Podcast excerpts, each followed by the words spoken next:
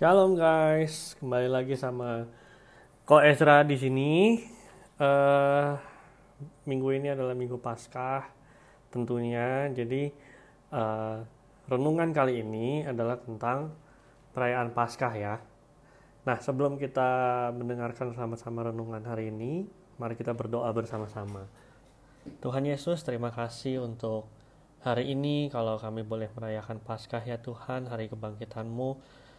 Biar kiranya Tuhan uh, kami boleh terus merayakan Paskah di dalam kehidupan kami, kami boleh terus uh, menikmati berkat dan bersyukur terus padamu ya Tuhan atas kemenangan Engkau atas uh, dosa dan maut ya Tuhan. Kami boleh kembali disucikan dan dikuduskan oleh pengorbananmu di atas kayu salib dan kami percaya Engkau akan selalu memimpin kehidupan kami dan sebentar ya Tuhan, kalau kami mau mendengarkan sedikit renungan dari firman-Mu, biar Engkau mau berkati kami semua, supaya kami dapat mengerti dan uh, dapat mencerna dan menjadikan renungan hari ini menjadi rema dalam kehidupan kami. Terima kasih Tuhan Yesus, hanya di dalam namamu kami berdoa dan mengucap syukur. Amin. Oke, jadi uh, aku dapat ayat, uh, dapat tema hari ini, yaitu tentang uh, perayaan Paskah menurut uh, Keluaran 12 dan zaman sekarang ya. Jadi korelasi antara Paskah zaman dulu dengan yang sekarang yang kita rayakan. Nah, sebelumnya nih kita sama-sama mau buka dulu Keluaran 12 ya. Keluaran 12 ayat 1 sampai 28 yaitu tentang perayaan Paskah. Jadi kalau kita baca ini benar-benar ini ceritanya tuh Tuhan berfirman kepada Musa dan Harun di tanah Mesir gitu ya. Jadi waktu itu eh, kejadiannya ini sebelum eh, tulah ke-10 anak sulung orang Mesir semua mati. Nah, that's the main story of uh, Keluaran 12 ya tentang perayaan Paskah. Jadi kalau kita baca semua Keluaran 12 ayat 1 sampai 28 itu kita bisa mem be ada beberapa, uh, mempelajari beberapa hal tentang Paskah pada waktu zaman dulu bangsa Israel uh, dan Tuhan berfirman kepada bangsa Israel tentang bagaimana uh, merayakan Paskah. Jadi apa sih sebenarnya pengertian Paskah itu sendiri menurut Keluaran 12? Jadi Paskah pada saat itu adalah perayaan untuk memperingati ketika Tuhan menulahi orang Mesir dan melewati rumah-rumah orang Israel di Mesir dan menyelamatkan orang Israel. Jadi yang harus kita ngerti ini di ayat 27 eh di ayat 27 dan 26, 26 dan 27 dikatakan seperti ini dan apabila anak-anakmu berkata kepadamu Apakah artinya ibadahmu ini? Maka haruslah kamu berkata, Itulah korban Paskah bagi Tuhan yang melewati rumah-rumah orang Israel di Mesir ketika ia menulahi orang Mesir, tetapi menyelamatkan rumah-rumah kita. Lalu berlututlah bangsa itu dan sujud menyembah. Pergilah orang Israel lalu berbuat demikian, seperti yang diperintahkan Tuhan kepada Musa dan Harun, demikianlah diperbuat mereka. Jadi pengertian Paskah itu sendiri pada zaman uh, zaman dulu itu ya seperti yang tadi untuk memperingati ketika Tuhan melulahi orang Mesir which is tulah ke-10 yang Tuhan mencabut semua nyawa anak-anak uh, sulung orang Mesir. Jadi itu pengertiannya ya. Kita mesti ngerti dulu nih Paskah zaman dulu sama sekarang. Nah, terus gimana sih sebenarnya Paskah dilakukan oleh orang Israel pada zaman dulu? Itu bisa kita baca dari ayat yang ketiga sampai ayat yang ke 20 itu kita bisa baca. Jadi ini saya singkat aja. Saya sudah menyimpulkan semuanya bagaimana Paskah dilakukan pada waktu itu, yaitu dengan mengorbankan anak domba jantan yang tidak bercela. Dan itu harus eh, dipanggang utuh dengan isinya ya kepala kaki isi perutnya semua harus dipanggang dengan api dimakan hari itu juga dengan roti beragi dan sayur pahit itu tidak boleh direbus, tidak boleh uh, dimakan mentah, hanya dipanggang dengan api. Lalu makannya pun harus dengan pakai kasut, ikat pinggang, dan tongkat di tangannya. Dan makannya harus buru-buru. Kalaupun ada sisa di pagi hari, itu harus dibakar dengan api.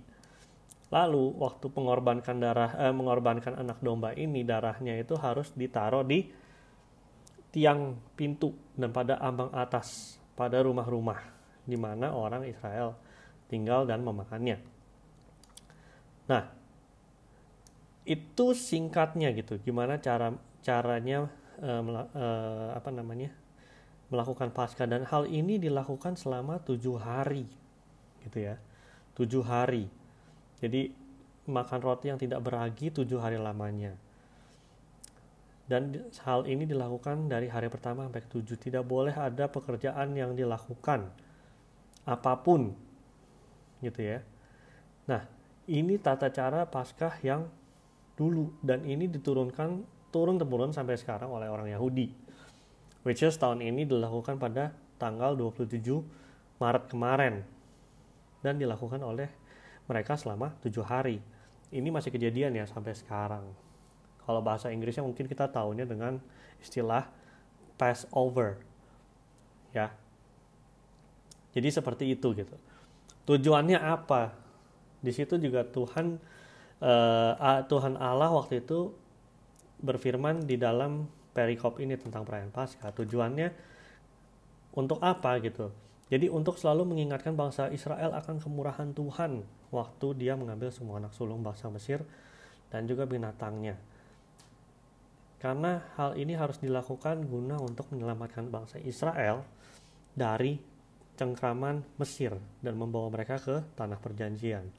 Which is uh, Tuhan melakukan ini tuh untuk membebaskan Israel dari belenggu bangsa Mesir. Jadi kita balik lagi ya.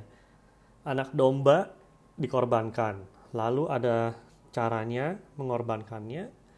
Lalu ada ritualnya juga pakai darah dan makan lalu eh, artinya pun juga sama gitu ya artinya pun juga menyelamatkan bangsa Israel dari genggaman tangan eh, bangsa Mesir itu perayaan Paskah pada zaman dahulu di Keluaran 12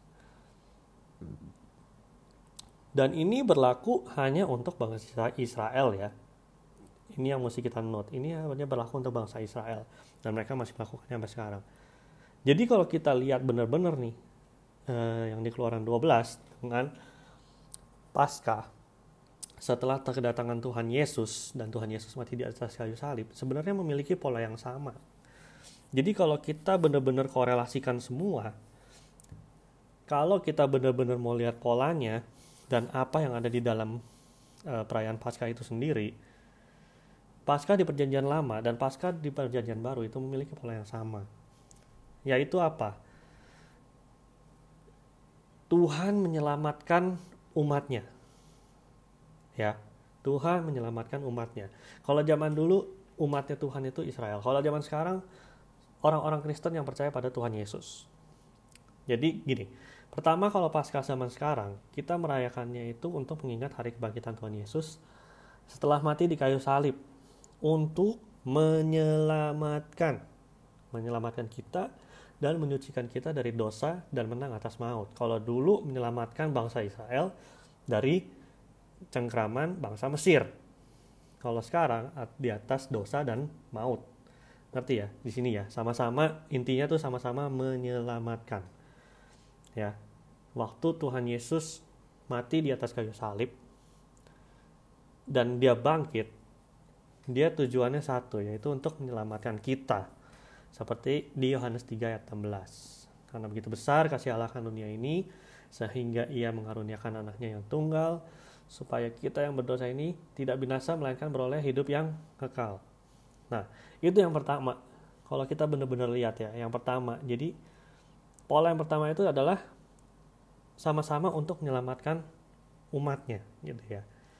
Lalu yang kedua yaitu sama-sama mengorbankan anak domba jantan. Kalau dulu di perjanjian lama anak domba jantannya beneran anak domba jantan, Kalau di perjanjian baru, anak domba jantannya itu diartikan dan e, bisa dibilang yaitu Tuhan Yesus. Ya. Di ayat e, di Yohanes 1 ayat 29 kita buka Yohanes 1 ayat 29. Yohanes 1 ayat 29.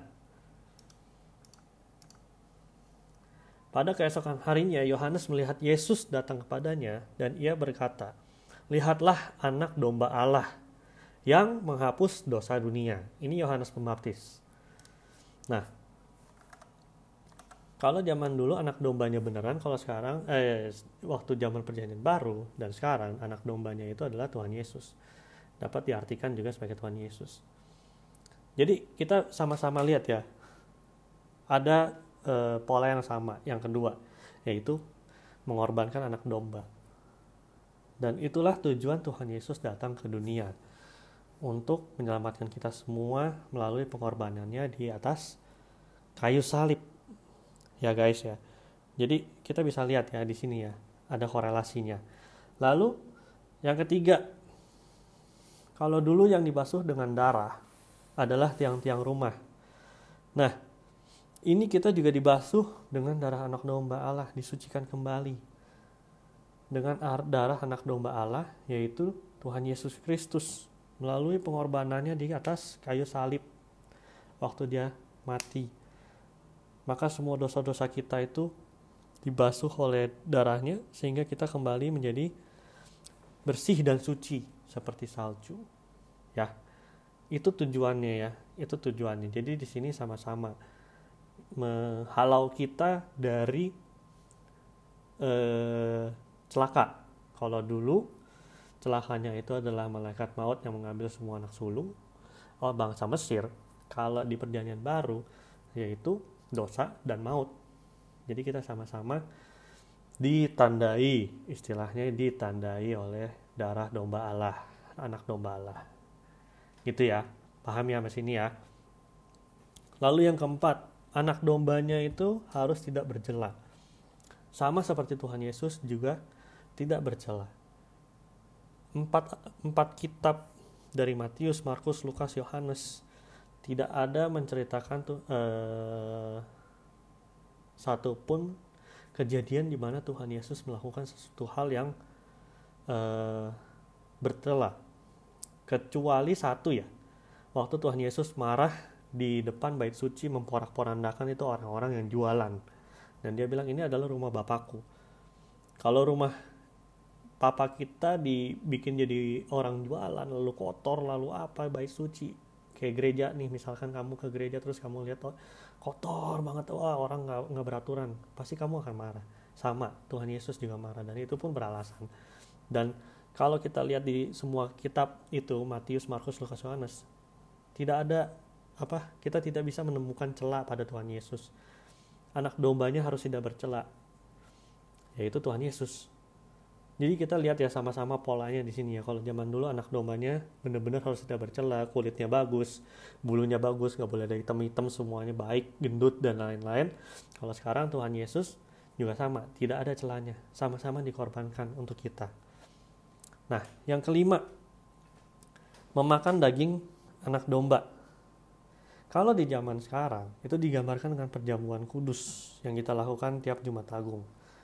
Kita baca ayatnya bareng-bareng di 1 Korintus 10 ayat 16 sampai 17. 1 Korintus 10 ayatnya yang ke-16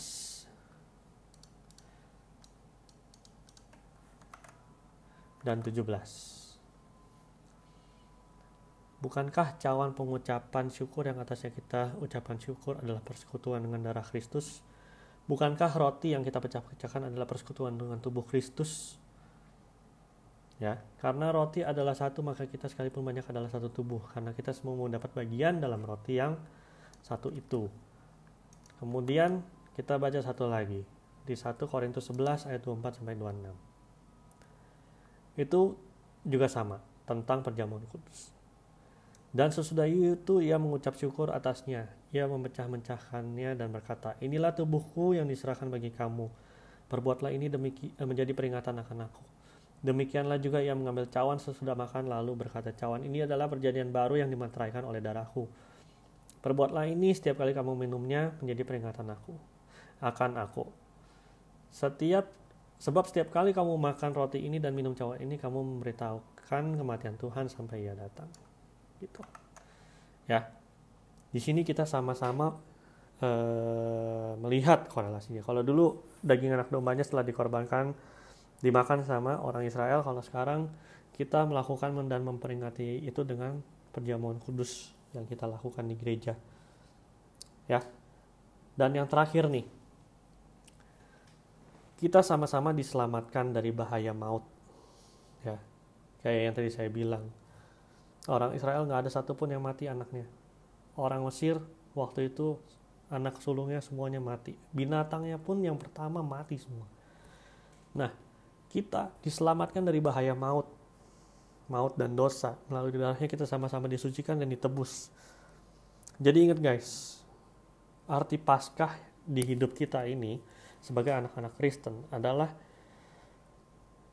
kebangkitan Tuhan atas maut dan dosa yang menyelamatkan kita semua orang Kristen ya supaya kita bisa kembali dekat sama dia dan bisa bersama-sama dengan mereka setelah kita pulang nanti di surga di Taman Firdaus bersama-sama dengan Tuhan kita ya.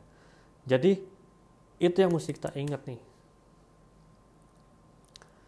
Perayaan Paskah itu adalah memperingati hari kebangkitan Tuhan Yesus atas dosa dan maut dan juga kita merasakan kasih yang turun pada kita untuk menyelamatkan kita umatnya yang percaya padanya.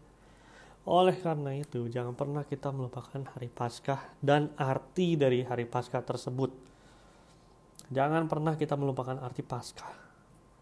Ketika Tuhan Yesus menyelamatkan kita dan menembus kita dari dosa dan maut sehingga kita bisa kembali suci dan bersih. That's why guys, kita harus selalu bersyukur dan sadar bahwa kita ini sebagai orang Kristen adalah orang-orang yang spesial karena kita mendapatkan privilege tersebut dari Allah Bapa kita di surga. Supaya apa? Supaya kita nggak binasa, tapi beroleh hidup yang kekal nanti bersama dengan Tuhan kita Yesus di surga. Jadi ini yang Koko bisa sampaikan tentang perayaan Paskah zaman dulu dan zaman sekarang. Kita sebagai orang Kristen dan nggak ada beban lagi untuk melakukan hal-hal yang tadi disebutkan di keluaran 12 dengan datangnya Tuhan Yesus kita udah enak banget. Jadi jangan pernah sia-siakan pengorbanan Tuhan Yesus di atas kayu salib dan kebangkitannya menang atas maut menang atas dosa di atas kehidupan kita jangan pernah kita lupakan itu ya kita harus hidup bersih kita harus hidup suci menjaga kesucian kita sebagai anak-anak mudanya Tuhan sampai kita pulang kembali. Oke guys, selamat Paskah. Tuhan Yesus memberkati kita semua. Amin untuk firman Tuhan hari ini. Mari kita berdoa. Tuhan Yesus yang baik, terima kasih untuk hari ini. Kami boleh belajar bersama-sama tentang arti Paskah ya Tuhan. Kami boleh bersyukur ya Tuhan. Kami boleh mempunyai Tuhan yang baik, Allah yang baik yang mau mengorbankan dirinya sendiri untuk menyelamatkan kami umat manusia yang percaya kepadanya ya Tuhan Yesus. Kami bersyukur Tuhan punya Allah sepertimu. Ajarkan kami ya Tuhan untuk menghargai dan uh, mengerti arti pengorbananmu di atas kayu salib dan arti kebangkitanmu ya Tuhan Yesus yang mengalahkan dosa dan maut di atas kehidupan kami dan membebaskan kami ya Tuhan dari belenggu itu. Ajar kami terus ya Tuhan supaya kami boleh terus dekat padamu dan hidup suci dan kudus di hadapanmu ya Tuhan Yesus. Kami boleh terus menjadi berkat, menjadi terang dan garam di dunia di mana pun kami berada. Terima kasih Tuhan berkati anak-anakmu ini dalam sekolah, dalam uh, keluarganya semua, orang tuanya engkau mau berkati, adik kakaknya semua engkau juga mau berkati. Terima kasih Tuhan Yesus. Kami sudah berdoa ya Tuhan dan menyerahkan seluruh kehidupan kami ke dalam tanganmu sekali lagi Tuhan bersyukur dan berterima kasih untuk hari ini, hari yang sangat baik. Terima kasih Tuhan Yesus, hanya di dalam namamu kami berdoa dan mengucap syukur. Amin. Oke okay guys, Ko Ezra cabut. Bye-bye.